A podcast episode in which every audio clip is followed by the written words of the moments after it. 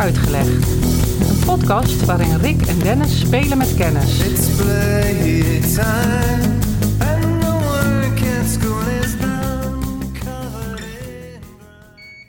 Ik weet niet hoe jij eh, de, de podcast voorbereidt, maar ik, ik moet altijd ergens getriggerd worden. En eh, als ik word getriggerd, eh, dan begint er eh, in het klein een zoektocht. En niet zelden eindigt zo'n zoektocht bij een, eh, bij een onderwerp. En eh, nou ja, presenteer, presenteer ik dat dan een paar weken later aan jou. Dat getriggerd worden kan eigenlijk alles zijn, of niet? Want dat geeft een beetje een inkijk in hoe jij en ik denken. Wij hoeven maar heel weinig nodig. wij hebben heel weinig nodig. We hoeven maar heel weinig te horen. Of daar komt wel iets uit. En dat, of het begin van een zoektocht. Is dat bij jou Ja. ook zoiets? Ja, want kijk, ik heb ooit eens, eh, en jij hebt dat ook gedaan, dat weet ik, want de documenten staan in een eh, Dropbox. eh, bedacht van, nou, welke onderwerpen staan er op je verlanglijstje? En nou ja, als ik, als ik een paar weken niet word getriggerd, dan ga ik eens kijken naar die lijst met onderwerpen die ik destijds gemaakt heb. En dat heb ik dit keer ook gedaan. Hm. En ik ben een beetje gaan zoeken, een beetje gaan snuffelen. En ik kwam er niet zo goed uit. Ik ging naar mijn werk toe en ik eh, eh, stond voor de klas, een eh, brugklas. En op een bepaald moment zie ik bij een van die leerlingen onder de tafel allemaal snoeppapiertjes liggen. en dat, dat gebeurt wel eens vaker. En dat laat ik natuurlijk niet ongemoeid. Dus ik loop naar dat ventje toe en ik zeg... joh, wil jij aan het eind van de les eh, die papiertjes even opruimen... en in de vuilnisbak eh, stoppen? Ja. En het eerste wat hij zegt van... ja, die zijn niet van mij. It wasn't me. En ik ga die discussie nooit aan, eh, want dat is. eh, dat heeft geen zin. Hm. Het enige wat ik, eh, wat ik zei bij het weglopen van... oh, zeg ik, jouw naam is zeker Haas. Waarmee eh, hij met een bek vol tanden en een blik vol onbegrip achterbleef. Ja. En ik, ik zei nog zoiets van... eh, het eind van de les ruim je het even op en ik liep weg. Ik merkte aan zijn reactie dat hij dus de uitdrukking... mijn naam is Haas, eh, eh, niet kende. Ik heb het verder niet uitgelegd, wil ik best eens doen. Maar in ieder geval dacht ik van... hé, hey, dat triggerde mij om eens te gaan kijken... van waar komt die uitdrukking vandaan. ja. En daar is mijn zoektocht begonnen. En er schijnt een verhaal aan te zitten. En vanuit dat verhaal, dat, daar kwam een associatie bij los. Bij een onderwerp die ik op die lijst had staan. En die heb ik bij elkaar kunnen brengen op een of andere grappige manier. En eh, dat is de podcast van vandaag geworden. En het is een nieuwswaardige, want ik ga eh, hopelijk de herkomst van de uitdrukking Mijn naam is Haas. Ga ik een alternatieve eh, verklaring voor. Wow, zo. Ja, nee, ja, ik- ja, ja. Van dit soort uitdrukkingen. eh, mijn naam is Haas. Ik had er deze week, misschien schiet het me zo meteen nog te binnen, had ik er ook zo een van. Hè, hoe, hoe, waar is dat woord? Oh ja, kinderzinnen. Mhm. Ga ik nu niet uitleggen waar dat vandaan komt? Of ik kan het ook wel doen misschien. Maar daar ga je echt nooit diep op in. Je gebruikt het. Nee. En that's it. En nu Ja. heb jij je is eh, gebogen over de uitdrukking. Wil je kinderzinnen trouwens nog... eh, Ja, tuurlijk. Oh, Vertel maar. het, het komt uit het Hij eh, He- Hebreeuws. Het is van, als, ik weet niet hoe het goed uitspreekt, Kina en Sina. En dat is haat en nijd. Oh, De woorden voor haat en nijd, heb ik begrepen. prachtige verklaring. Ja, dus net zoals veel eh Jiddisch en eh, of Bagoensachtige Mokemswoorden in eh, Amsterdam komen voort uit de Joodse gemeenschap, Jiddisch of Ja. eh, anderszins. Maar we gaan het niet over kinderzinnen, want dat wil ik niet hebben met jou. Mijn naam is Haas. Ja, en ik heb jou eh, vervolgens toen ik eh, in mijn hoofd, ik eh, was er nog niet heel diep in, maar in mijn hoofd begon dat verhaal zich een beetje vorm te geven. En toen heb ik aan jou gevraagd van, kan jij eens eventjes je verdiepen in die uitdrukking? Mijn naam is Haas, zonder je verder de context te geven. En eh, wat, wat, heb jij, eh, wat heb je kunnen vinden? Of Eh, wat is jouw zoektocht geweest? Mijn zoektocht was dat die uitdrukking, Mhm. mijn naam is Haas, heeft een geschiedenis in Duitsland. Ja, Ik begrijp namelijk dat het gaat om een student. Ja, klopt. Zit een verhaal aan vast? Kan je dat verhaal... Ja, ik kan het eh, verhaal wel even kort vertellen. Ik heb eh, het natuurlijk zo, gegeven mijn Duitse achtergrond even in het Duits gedaan. Het, het speelt zich eh, af in de jaren 40, 50, 60 van de 19e eeuw. Het gaat om een student, Victor van Hazen. Ja, Geboren in 1834, 1860 overleden. En hij is eigenlijk de naamgever van de uitdrukking eh, Mijn naam is Haas. Eigenlijk dus in de oorspronkelijke taal Mijn naam is Hazen. Dat klopt ook. Ja. ja. Hij heette eh, Von Hazen. Van Hazen, ja. En het verhaal wil dat hij in Heidelberg studeerde, en, of naar, daar naartoe zou gaan. En dat hij daar met een student in contact kwam die bij een duel een ander had neergeschoten, die andere student. En die student, ja, die ging op de loop en die besloot om naar eh, het Vreemdelegioen, Vreemdelingenlegioen te gaan. Het Franse Vreemdelingenlegioen. En hij reisde daarvoor dus naar Frankrijk. Hij eh, wilde daar tenminste heen reizen. Maar hij had geen, eh, hoe noem je dat, ID? ID? Eh, paspoort? Ja, geen eh, Ausweis. identiteitskaart. Ja, je noemt het reizen, maar het was, was min of meer ook, ook vluchten. Vluchten. Ja, het was vluchten. Ja. Maar hij wilde de grens over. En hij had dus geen paspoort, om het zo maar te zeggen. Dus wat Ja. deed eh, Victor? Die gaf hem zijn kaart. Dus die, diegene die het duel had, eh, de ander had neergeschoten tijdens een duel. Die nam die kaart mee, eh, maar gooide het nadat hij in Frankrijk was, studentenkaart, gooide die weg. Maar werd gevonden, die kaart. En die werd teruggestuurd naar Mhm. Heidelberg. En ja, toen, toen kwam het een beetje aan het licht dat Victor zijn kaart niet kwijt was geraakt, maar had weggegeven. En dat iemand anders met zijn kaart de grens was overgegaan. En toen men hem daar dus om vroeg van hoe zit dit, was zijn antwoord... Mijn naam is Haase, ik verneine die generaalvragen, ik weiß van niets. Oftewel, ik weet nergens van. En dat is op een gegeven moment een soort van redensarts, zoals dat zo mooi in Duits heet. Ik weet nergens wat van, mijn naam is Haas. En dat heeft hij ook goed gedaan, want uiteindelijk heeft hij dus ge, zelfs gepromoveerd. Dus hij was echt wel een goede, goede redenaar. Maar deze zin, mijn naam is Hazen, komt dus van deze... Ja, en dat werd een beetje, eh, eerst werd dat een beetje een cult-uitdrukking onder de studenten. En later nou ja, is dat een beetje algemeen taalgebruik geworden. En toen ik dit verhaal las, moest ik heel erg denken aan een recente uitspraak van onze eh, demissionaire eh, premier Rutte. Mm, eh, die ik toch een beetje in deze lijn eh, herkende. Eh, daar heb ik geen acti- actieve herinnering aan, die uitspraak. Die- dat is natuurlijk op zich eh, een opvallende uitspraak... maar eh, ook zo, typisch zo'n uitspraak die een eigen leven ging leiden vlak daarna. Want eh, je hoefde alle sociale media maar open te gooien... of plotseling had iedereen aan alles geen actieve herinnering meer... en er werden heel veel leuke beelden en grapjes over gemaakt... En ik kan me voorstellen dat dat onder de studenten in die tijd eh, met, met deze uitdrukking ook gebeurd is. En dat is de katalysator, denk ik, geweest voor eh, het feit dat het in het algemene taalgebruik eh, gewoon geworden is.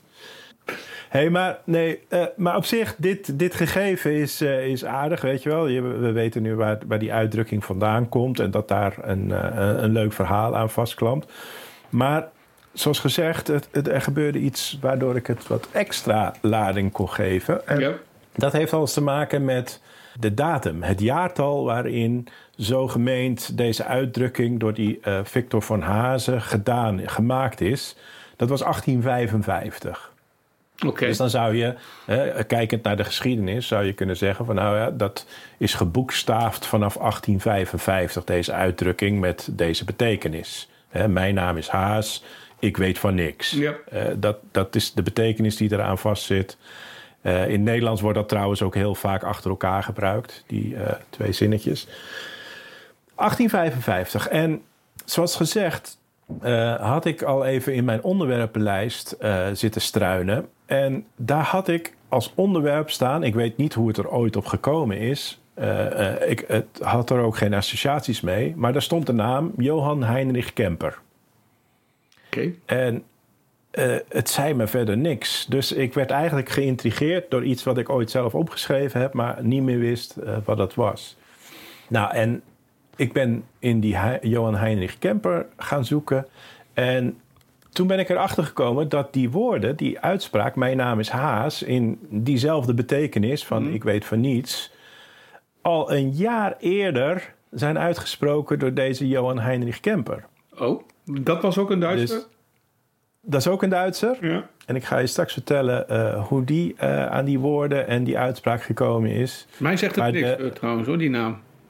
Eh, mij, nou, mij inmiddels, inmiddels wel. Maar ik weet niet hoe ik die ooit tegengekomen ben, want dat moet. En toen heb ik het opgeschreven. Maar die man, Jan, Johan Heinrich Kemper, die is in ieder geval in Amsterdam redelijk bekend, maar in Nederland ook. Want hij is de laatste persoon die in Amsterdam is geëxecuteerd. Ah, Dus wellicht dat ik daarom, dat ik dat ooit ergens gelezen heb en dat ik die naam daardoor heb, eh, heb genoteerd. Geëxecuteerd in vredestijd dan, hè? dan hou ik even de oorlog eh, Ja, eh, ja, ja. buiten. Om te beginnen, jij zei al van dat is zeker ook een Duitser. Ja, Johan Heinrich Kemper, dat klinkt al behoorlijk Duits, klopt. Hij is geboren in Borglo. En dan denk ik ook meteen het Duitse woord voor Borculo misschien. Maar daar ben ik dan niet verder ingedoken. Eh het ligt vlakbij Osnabrück, dus zo ver buiten de Nederlandse grens is dat niet. En hij is eh, uiteindelijk veroordeeld eh, voor een drievoudige moord en een tweevoudige poging tot moord. En eh, zoals gezegd is hij de laatste persoon die in Amsterdam dus eh gevonnist en eh, ook geëxecuteerd is. Hij is opgehangen. En in die tijd, dus in 1854, het jaar waarin hij stierf, was dat een nou, high- high-profile case in Nederland. De kranten stonden er vol mee met extra bijlagen enzovoort. Klein stukje over de levensloop van Kemper. Hij is niet oud geworden trouwens, 21 was hij toen hij eh, geëxecuteerd werd.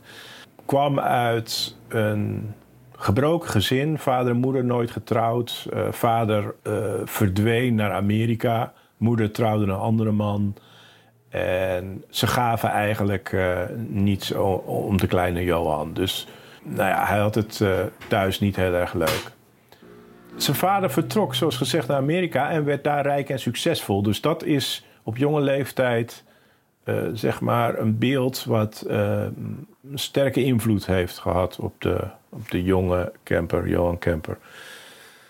Zijn moeder trouwt met een andere vent, groeit op. Hij groeit op voor galg en rat. Hij eh, wordt veroordeeld al op jonge leeftijd voor diefstalletjes. En als hij ook nog eens als dienstweigeraar de boeken ingaat, wordt hij veroordeeld als, als deserteur. En hij besluit met al die eh, narigheid om hem heen om op zijn achttiende te vertrekken naar Nederland. Hm. Waarom? Nou ja, zoals gezegd, hij had dat visioen van zijn vader, die eh, rijk en succesvol in Amerika was, eh, hield hij voor ogen. En dat was dus, werd voor hem ook een doel. Hij wilde eigenlijk ook heel graag naar Amerika. Niet alleen om zijn vader te bezoeken, maar dus ook om, om daar een betere toekomst voor hemzelf te regelen. Dat, dat hield hij voor ogen. Maar er waren twee problemen. Eén, hij had geen geld. Mhm. En twee, hij was liever lui dan moe. Oh, fataal. Dat is een Ja. fatale combinatie. Hij deed wel pogingen trouwens, want eh, hij ging naar Nederland en eh, daar ging hij werken bij een boer. Mhm. Maar na drie maanden eh, werd hij daar wegens luiheid ontslagen. Dus een harde werker was het niet. En, eh, dus ja, het was lastig eh, voor hem om op die manier natuurlijk eh, genoeg geld bij elkaar te, te werken om richting Amerika te gaan. Nou, na die drie maanden werken, hij had gewerkt bij Hendrik Frederik Prekwinkel. Dat is een boer die had zijn bedrijf in de Watergraafsmeer. En, en, en hij was daar ontslagen. Bedacht hij een plan eh, na dat ontslag om aan geld te komen. En dat plan was om die boer die hem had ontslagen, om daar in te breken. Het was een vrij eh, groot boerenbedrijf en hij had wat geld liggen, wist hij, omdat hij daar natuurlijk drie maanden had rondgelopen. En hij dacht, dat kan ik makkelijk buitmaken, want ik ken de gewoontes op die boerderij. Hij wist dat hij eh, we- één keer in de zoveel tijd ging hij naar de Groenmarkt in Amsterdam. En eh, de, knechten die gingen altijd om half vier ochtends eh, naar het land. En dan had hij al be- bedacht van, dan zijn alleen eh, de dienstmeid en eh, de vrouw en kinderen zijn thuis. Nou ja, die kan ik, eh, die kan ik wel hebben. dus eh, hij had zeg maar een plan zitten smeden om die boer te overvallen, dat boerenbedrijf te overvallen. En dat speelde zich af eh, in juli eh 54. In de vroege ochtend van 20 juli van het jaar ging hij zijn plan eh, uitvoeren. Hij wist dat die prekwinkel de dag daarvoor vertrokken was naar Amsterdam om naar die groenmarkt te gaan. En eh, dat betekende dat als om half vier die knechten naar het land eh, trokken, dat hij zijn slag moest slaan. Nou, hij deed dat en vanuit eh, de, de Bietenberg eh, kroop hij richting eh, het, de boerderij en stond plotseling oog in oog met de dienstmeid. De, de bieten. Wat zei je nou? De bieten. Bietenbrug. Ja, nee, de Bietenberg. Maar er is ook weer een uitspraak. Je gaat de Bietenbrug op. Ken je die? Nee. Dat is dan misschien iets typisch Noord-Hollands. Oh, Dat zou kunnen, ja. Nou ja, Dat, woon dat wel in. alleen uit onze. Maar als je de Bietenbrug opgaat, Rick, Ja. dan loopt het niet goed af. Zou ik daar vandaan komen? Weet je dat? Oh, dat is wel iets om uit te zoeken. Iets voor. Nou, en, en deze, deze camper die gaat ook de Bietenbrug op. Dus eh, wat dat betreft eh, een prima eh, analogie. Vanachter die Bietenberg staat hij dus plotseling oog in oog met die dienstmeid. En hij had een bijl met zich meegebracht voor deze actie. En voordat hij het wist, had hij met die bijl ingeslagen op de dienstmeid. En die gaf een brul. En ze lag voor Jaffa. Dat is ook weer een uitspraak, hè? Kennen we ook. Maar anders dan wordt het een hele lange podcast als we die allemaal gaan uitzoeken. Maar Nee. hij, hij slaat die dienstmeid slaat hij neer. En als in een slapstick, hè, ze geeft een gil, wordt eh, nummer twee wordt wakker. En dat was eh, de vrouw van de boer, Petronella. Die hoort die dienstmeid schreeuwen en die gaat erop af. Nou ja, die krijgt vervolgens ook eh, eh, eh, vijf klappen met de bijl. Nou ja, als dat nog niet het ergste was, begonnen daarop de kinderen te huilen in de bedstee. En ze hadden er drie. Dus als laatste stond hem ook de zware taak om die drie kinderen met de bijl eh, van langs te geven. Dat, eh, dat deed hij. Dus het werd van kwaad tot erger. Dus hij had eh, inmiddels al het personeel en alle gezinsleden had hij aan zijn bijl gehad. Hij wist geld en waardevolle spullen te ontvreemden en ging op de vlucht. Heb je enig idee hoeveel die had? Weet je, is dat bekend? Hoeveel? Nee, Maar het was genoeg om voor zijn eh, ja, het was, eh, te ja, ja, want hij ging niet alleen vluchten, maar hij ging ook met dat som geld ging hij richting Amerika vluchten. Dus Ja. het was genoeg om, om de overtocht te kunnen organiseren. Nou, die knechten die op het land aan het werk waren, kwamen op een bepaald moment terug op de boerderij. En die troffen daar natuurlijk dat bloedbad aan. Eh, uiteindelijk heeft de dienstmeid die de eerste klap kreeg, die heeft het overleefd. En een van de drie kinderen in de bedstee heeft het overleefd. Mhm. En de rest eh, helaas, eh, helaas niet. Politie komt erbij en als eerste, zoals het in een goede thriller betaamt, zijn natuurlijk altijd de knechten de verdachten. Ja. Dus alle knechten worden uitgebreid verdacht en verhoord. En ook de ex-knechten, dus Kemper, die komt in het verhaal ook eh, naar boven als iemand die mogelijk hè, eh, kennis had om deze nou ja, brute moord en diefstal eh, te plegen. Ze kregen bij die knechten niet heel veel aanknopingspunten. Maar bij die camper werd het signa- signalement verspreid, want die was niet nergens te vinden.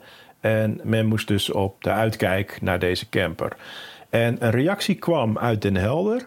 Daar was een logementhouder en die herkende hem. En die wist te melden aan de politie dat die Johan Kemper op 22 juli de boot had genomen naar Engeland. En, en daar komt hij, hij wist ook te melden dat hij dat deed onder een valse naam. En die valse naam Nee. was Frans de Haas. Ik voelde hem aankomen. Ik denk als ja, over... natuurlijk. Ja. En, nou ja, en toen ik dat natuurlijk las, dacht ik... hé, nu, nu, nu is 1 en 1 2. Dus hij is op de vlucht gegaan als zijnde Frans de Haas. Nou, Hij eh, belandde dus in Engeland, hè, want dat klopte wat die logementhouder zei. Hij heeft de boot genomen richting, eh, richting Londen. En zijn plan was om in Engeland vervolgens een boottocht te boeken naar de VS. En dan was hij en gevlucht en op de plek waar hij eigenlijk wilde zijn. Dus het plan tot dusver verliep, eh, verliep dat redelijk tot goed. Maar vlak voordat hij eigenlijk aan zou schepen voor de tocht naar Amerika, werd hij gearresteerd, werd hij aangehouden. En dat is het moment dat hij natuurlijk de woorden uitspreekt: Ja, maar mijn naam is Haas, ik weet van niets. Hij ontkende iedere betrokkenheid. Aha. Dus we zijn hier een jaar eerder eh, dan de uitleg die jij voor ons had. En die de wereld kent als de juiste uit. Maar hier wordt dus gezegd de legendarische woorden: Mijn naam is Haas, ik weet van niets. En dat was dus deze Johan Heinrich Kemper. Wat wel raar is, denk ik. Want ik heb natuurlijk het verhaal van Carl Victor Haase, de naamgever van de zin Mijn naam is Haas.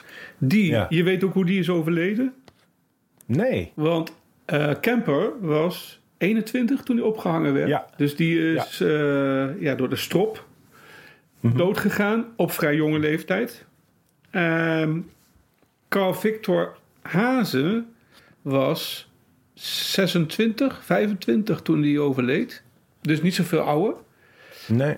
Hij was inmiddels al gepromoveerd tot dokter in de rechten. Dus hij had best wel een toekomst voor zich. Een bepaald andere levensloop dan die van eh, Johan Heinrich Kemper. Jazeker. Eh, zeg Ja. maar diametraal er tegenover. Ja, hij werd eh, vrijwilliger in het leger van de prins, wou ik zeggen. Maar dat is weer een liedje. Nog een liedje over gemaakt. hij werd vrijwilliger in het leger van de groothertog van Saxen-Weimar. En hij werd onderofficier. Dus hij, hij was zowel qua opleiding, dus qua universiteit, eh, zijn proefschrift en dergelijke, was hij goed bezig.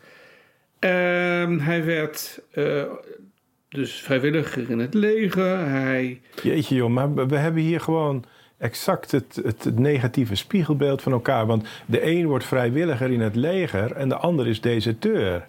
Ja, De is een eh, is slaagt en is succesvol en de ander wil maar niet van de grond komen. Nee, precies. En allebei is de naam Haas. Ga door. hij was Ga goed, aan je lippen. ja, hij was goed bezig, eh, onze Victor. Maar wat gebeurt er in maart 1860, dus nog geen jaar later dat hij zich eh, aanmeldde bij het leger en dat hij onderofficier werd en dat hij eh, auditeur heet dat in het Nederlands, auditor heet het in het Duits. Alleen in maart 1860 wordt hij ziek. Dan krijgt hij eh, de tyfus. In het Duits heet het Läusefieber, eh, een luisgriep, luiskoorts. Hebben- Nee, dat woord Ja. zullen wij niet hebben. Maar... Dus de tyfus. Daarna krijgt hij nog een longontsteking.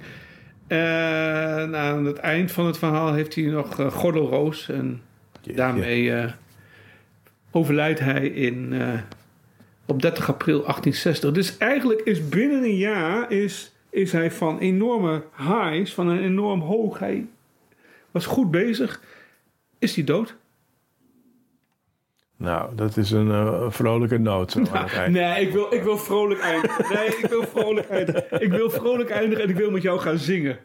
Oh, wat gaan we zingen, jongens? Uit het leger van de prins? Nee, die niet. Eh, nee, we hebben het natuurlijk over Chris Roberts. Die in 1971 een hit had met Mijn naam is Haze. Oh, die ken ik niet. Nee, maar je kent wel de Nederlandse variant, denk ik. Nou, ook niet. Jawel, meen je niet? Ja, Lowland Trio uit eh, 19... Oh ja, ja, ja. Nee, ja, ik heb hem 72. niet aangeklikt. Ik heb hem niet aangeklikt. Ja, Nee, dat was zo'n eh, zo'n zo'n kermis, eh, of tenminste zo'n carnavalskraker of zo. Tenminste, zo zag het eruit. Ja, dat is, dat is het ook. Eh, dat- Ik heb dat in mijn hoofd zitten nu eh, al eh, een tijdje. Mijn naam is Haas. Ik weet van niets. Is hier wat gebeurd dan? Ik ga het niet zingen, want voor het weet zit dat weer de hele dag in mijn hoofd. Ja. Eh, de Lowland Trio heeft dat in, eh, ik meen 1972 eh, gedaan. Als de Nederlandse vertaling van het lied van Mijn naam is Hazen. Maar Chris Roberts... Ja, ik vind Chris- Roberts, dat heeft een zwak, eh, eh, zwak een plekje in mijn hart. Daar word ik een beetje zwak van. Die eh, had eh, dus de hit in 71. Maar Chris is eh, voor mij eh, ook bekend van liedjes als Ich bin verliebt in de Liebe. Ik, ik ben opgevoed met die Duitse slager uit de jaren 60 en 70. Hè. Mijn vader was Duitser, die eh, draaide het regelmatig thuis. Dus ik, ik kan dat wel waarderen. Alleen dit liedje, dat is zo'n eh hoenpapa. Nee, niet hoenpapa. Jij zei net kermis. Zo'n- Nee, zo'n carnavalskraker. Carnavals, carnavalskraker. Ja, eh, dat vind ik toch wel eh, minder geslaagd. Maar, Nou, ik ben ook wel een guilty pleasure hoor, van mij. De, de, de, de, de slager en de, de- het Duitse lied. Maar deze, deze ken ik helemaal nee, Die man ken ik ook helemaal niet. nee, Chris Roberts. Ja, Nee. Staat wel op een van mijn playlists die ik eh, eh, ergens heb om, eh, als ik weer eens in een Duitse mood ben, om die dan... Nou, laten laat, laten we een keer een, een, een lekker uitgelegd playlist maken. Want we hebben inmiddels best wel veel muzikale associaties door de loop van de afleveringen. Ja. En ook- veel sticks bijvoorbeeld. maar, de slager kan, Kan erbij. Kan ook. Iron Maiden. Iron- Oh, man. Vorige uitzending. Ja. Steve Ja. Harris. ja, oh Daar jee. kunnen we toch wel eens een leuke eh, Spotify playlist van maken. Ik vraag me af wie dat gaat beluisteren. Want het gaat echt van hier naar daar en van boven Ja, naar het onder. En van, Laten we het een eclectische, lekker uitgelegd playlist noemen. precies. Trouwens, ik, eh, ja, ik zou hem wel beluisteren. Maar goed, wij eh, noemen natuurlijk ook wel muziek waar wij een beetje van genieten kunnen. Ja, nou, we gaan, we gaan, eh, we gaan ermee aan de slag. Overigens, hè, ik eh, vroeg me af, heb jij wel eens een gevalletje Mijn Naam is Haas gehad in je leven? Eh, Als jij over jouw brugklas eh, jongen Ja. begon, die joch- die jochie wat onder zijn tafel allerlei snoeppapiertjes had. ja, goede vraag. Ik heb er eens over na lopen denken. Ik ben vrij, Ja. vrij eerlijk. Eh, Ja, ik ook. In- Ik heb wel ooit een keer in de, in het, eh, in de politiecel gezeten. ja, en ondervraagd. Dus ik weet, ik weet wat deze eh, camper heeft doorgemaakt. En eh, heb jij ook een bijl gehanteerd? ik deed inderdaad het tegenovergestelde van mijn naam is Haas. Ik ver- verlinkte meteen iedereen. Ik was zwaar onder de indruk van de politiemacht. Nee, het was, even kort, ane- Mhm. anekdote. Het was winter. Ik was denk ik een jaar of tien. En dat betekende dat ik onderweg naar school graag en regelmatig over het ijs dan mijn weg naar school vond. En terug ook. En eh, ergens rond de middag, dat was nog in de tijd dat je smiddags een uur pauze had om thuis te eten, Mm. liep ik via het ijs terug en waren de twee klasgenoten, een beetje doelrakken, eh, waren drukdoende om met brokken ijs die op, eh, op, op, op de sloot lagen, om die eh, in een of ander schuurtje te gooien. En dat schuurtje dat was bedekt met golfplaten, kunststof golfplaten. Dus ieder brok ijs ver- veroorzaakte een gat in die, Oeh, eh, ja. eh, ja, in, dat, in, dat, in die golfplaten. Maar goed, ik, ik vond het wel interessant. Dus ik pakte ook zo'n brok en ik gooide dus ook een gat in, in een van die golfplaten. En verder niet meer aan gedacht. En smiddags om half vier, de school gaat uit. Voor de school een politieauto. En ik met die twee andere doerakken eh, werd verzocht om, eh, nou, om vier uur. Dat ging allemaal nog erg gemoedelijk. En een dorpspolitie. Mm. Van jongens, eh, ik wil jullie om vier uur op het politiebureau zien. Nou, potverdikke me, wij naar het politiebureau. En die twee andere jongens, die hadden denk ik al wat films gezien. Die hadden de tactiek van, mijn naam is Haas. Ik zeg, ik weet van niks. Hè, eh, zwijgen. Mm. Dus eh, die werden echt eventjes in de cel gezet. En eh, ik was de derde die werd verhoord. En ik mocht eh, eerst voor het verhoor even de binnenkant van de cel bekijken. En mij werd dus ook al verteld dat jongens dus eh, niet helemaal het verhaal vertelden zoals het was. En eh, of ik dat wel kon. dus ik vertelde honderd uit wat er gebeurd was. En dat wij dat inderdaad hadden gedaan. En dat ik ook... eh, en op dat moment komt ook de eigenaar van dat eh, eh, schuurtje komt binnen. Dus die hoorde mij mijn verklaring geven. En toen gebeurde er iets, iets geks. Want die man die zei dus van, die eigenaar van... Deze jongen, die mag wat mij betreft weer naar huis. Want hij vertelt de waarheid. En die andere twee, die moesten... Want het moest betaald worden. Er was iets van, eh, weet ik het, 50 gulden schade of zo. En wij moesten, eh, die schade moesten we vergoeden. En die man die had dus besloten, eh, zei hij van... nou, jij mag naar huis, ik laat het erbij zitten. Waarop de agent zei, nee, nee, nee, meneer. Dennis die heeft ook meegedaan en die heeft het ook schade aangebracht. Dus hij deelt mee in de kosten voor herstel. Shit. En eh, uiteindelijk heb ik daar nooit een rekening van gehad. Dus die man die heeft het er waarschijnlijk bij laten zitten. Maar het leuke was nog dat wij moesten om vier uur verschijnen. En om vijf uur waren we daar nog. Hè? Het was best een, eh, een lange zit. Mm. En ik zal nooit vergeten dat om vijf uur ging de deur van het politiebureau open. Mijn zus, die is twee jaar ouder dan ik, die liep dat politiebureau binnen. En eh, vroeg of ze de agent even mocht spreken. En ja, dat mocht wel even. Dus zij kwam er tussendoor, tussen het verhoor. En zei tegen de agent van, hoe lang gaat het nog duren? Want wij gaan zo eten. of ik al mee kon. Dus later zei die agent zoiets van... nou, zeg maar tegen je moeder dat het nog heel eventjes duurt... en dat hij misschien iets te laat thuis komt voor. Oké, ging weer. dus, eh, maar goed, dat eh, met, met nog een eh, anekdote... die vast nog wel een keertje ergens anders aan bod komt... eh, was mijn criminele pad ongeveer. Ja. Dat niveau. Maar ik, ik zei dus alles behalve mijn naam is Haas, Rick. ja, dat begrijp ik. Nee, ik heb mij wel afgevraagd of ik dat wel zo heb meegemaakt. Ik ben toch altijd wel eerlijk geweest. De enige keer die ik me echt kan herinneren dat ik daar eh, misschien gebruik van had kunnen maken, van- van de uitdrukking Mijn naam is Haas, is dat ik op een dag naar huis fietste met een vriendje en dat achter ons een bus reed die niet om ons heen kon, zo'n smal weggetje was. En dat ik op een gegeven moment een keer spuugde en dat mijn vader s'avonds naar mij toe kwam en zei: Ja, collega vertelde dat je naar de bu- bus hebt gespuugd.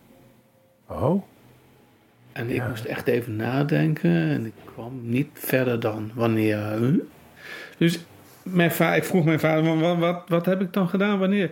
Ja, je fietste daar en daar en de bus reed achter je en je was daar aan het fietsen en op een gegeven moment heb je gespuugd. Na de bus. Nou, ik heb dus niet gezegd: Mijn naam is Haas. Want het feitelijk verhaal was dat ik niet naar de bus gespuugd heb, maar gewoon Nee. een keer van me afgespuugd heb. Maar zo zag je maar hoe mensen dus eh, een conclusie trokken die er niet, eh, niet klopte. Maar ja, had ik op dat moment moeten zeggen: Mijn naam is Haas? ja. Weet ik niet, dat zit niet in mijn, cultu- in mijn cultuur, niet in Nee. mijn eh, karakter. je aard. Nee. Dus ehm me know Nou. nothing, hè? Nee, nee, en blijf spugen. Richting bussen. Zo nu en dan. Nee, dus. Oké, nou dat was hem voor vandaag. Leuk, leuk verhaal. Oké. Leuk, lekker uitgelegd ook.